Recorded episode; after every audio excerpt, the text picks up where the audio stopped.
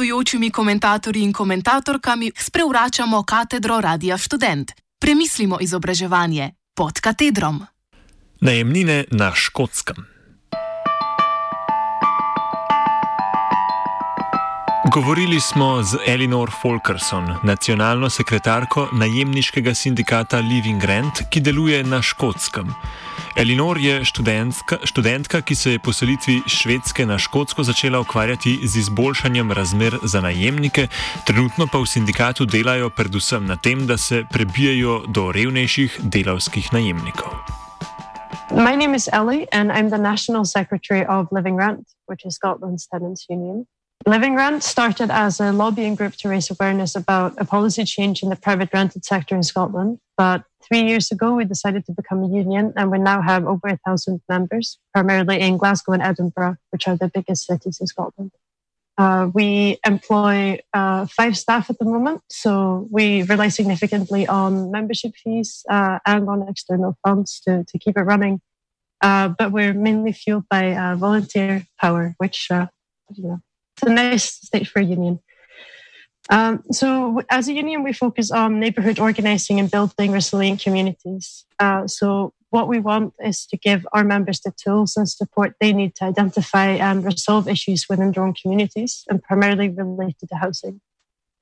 Um, and this kind of key to what we're trying to do is ensuring that what seems like private issues, like uh, repairs not being done in your flat or your neighbour facing an eviction, that that becomes understood as um, a political issue and a community issue, and sort of politicize the narrative around why we live in the housing uh, system that we do, uh, and why tenants are being exploited.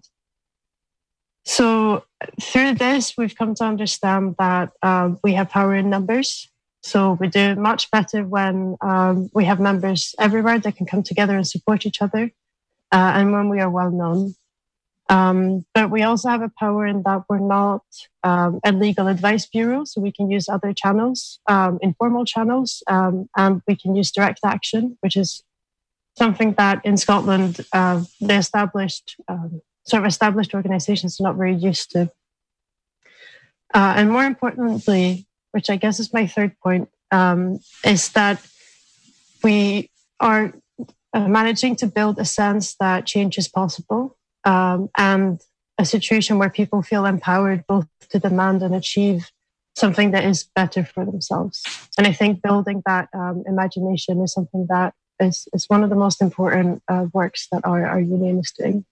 Um, so we've had to uh, modify a lot of our organizing tactics uh, quite significantly throughout uh, Corona times. Normally, we try to organize uh, through face-to-face meetings um, to build a sense of community. And we also do a lot of direct action in terms of uh, you know, picketing landlords' office, picketing politicians, um, and try to do like more, more grander um, so demonstrations um, to achieve our targets. Uh, now we have uh, moved all of organizing online. Uh, so I guess the, the biggest thing that we have accomplished so far is we managed to ban evictions across Scotland. Uh, which was as soon as uh, the coronavirus started spreading to the UK, that was one of our main concerns. Um, so through we first launched a, launched a petition uh, and we encouraged all of our members to call their members of parliament um, and to call the housing minister. So we did both an email and kind of a phone bombing, I guess, of, of these politicians. We also managed to get a lot of traction on both social media and traditional press. And through building this type of pressure, as well as coordinating with other organisations in Scotland, we got evictions banned, and now we're working on the rent holiday. Uh, but obviously, while this important like national work is going on, we also have um, the same issues that the union is always dealing with. So members that are not getting repairs done um, is getting worse in these times. Um, and obviously, a lot of people have lost their jobs, so we're seeing a lot of people that are unable to pay rent. Um, so we're trying to negotiate both rent reductions and rent waivers for this period.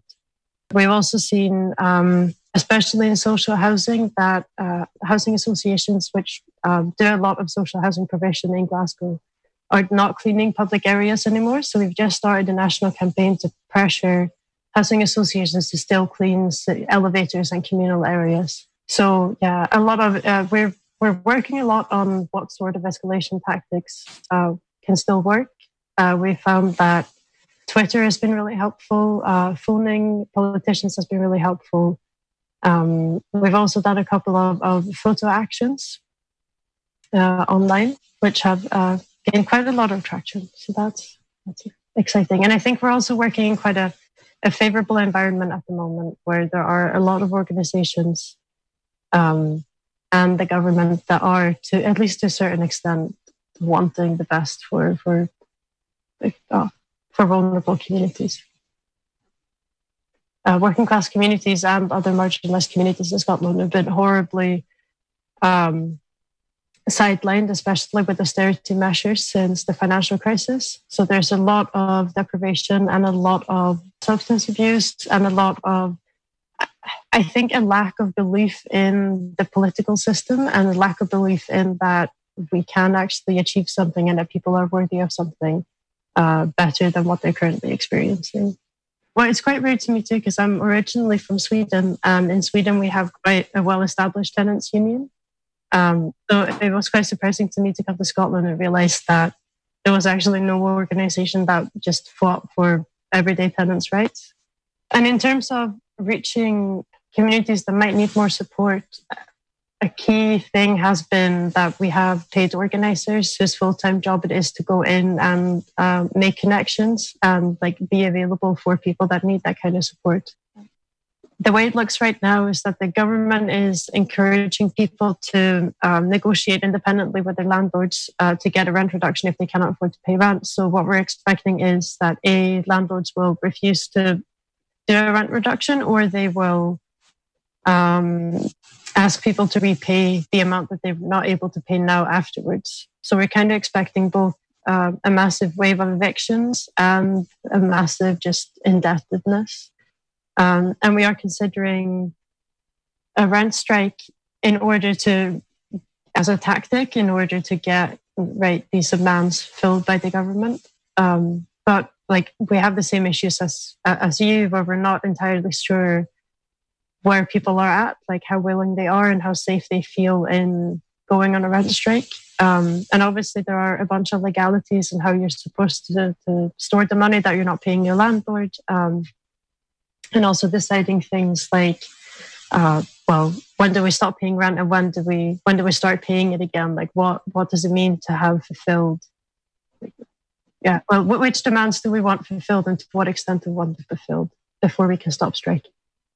Um, but we are currently talking to London Renters Union and Acorn, um, which are both housing and community related unions down in England, so to sort of get uh, a scope for what's possible within the UK. Um, and I think it could be a very powerful tool, but I'm also like, I don't know, we're trying very hard to, to build um, I guess a space in this like social distancing world that we now live in where people don't feel isolated and don't feel alone and feel like they are not the only ones going on rent strike, but we're a movement of people doing this. Um, but we'll, we'll see where we end up with that. I'm, I'm hopeful that we have a lot of, we have a lot of brave people behind us.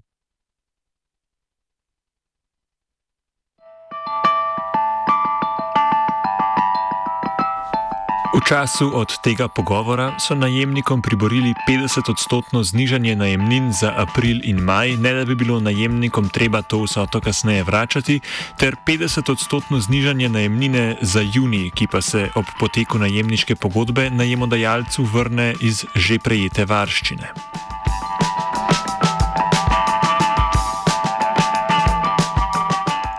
Komentar je priskrbela Hanna R.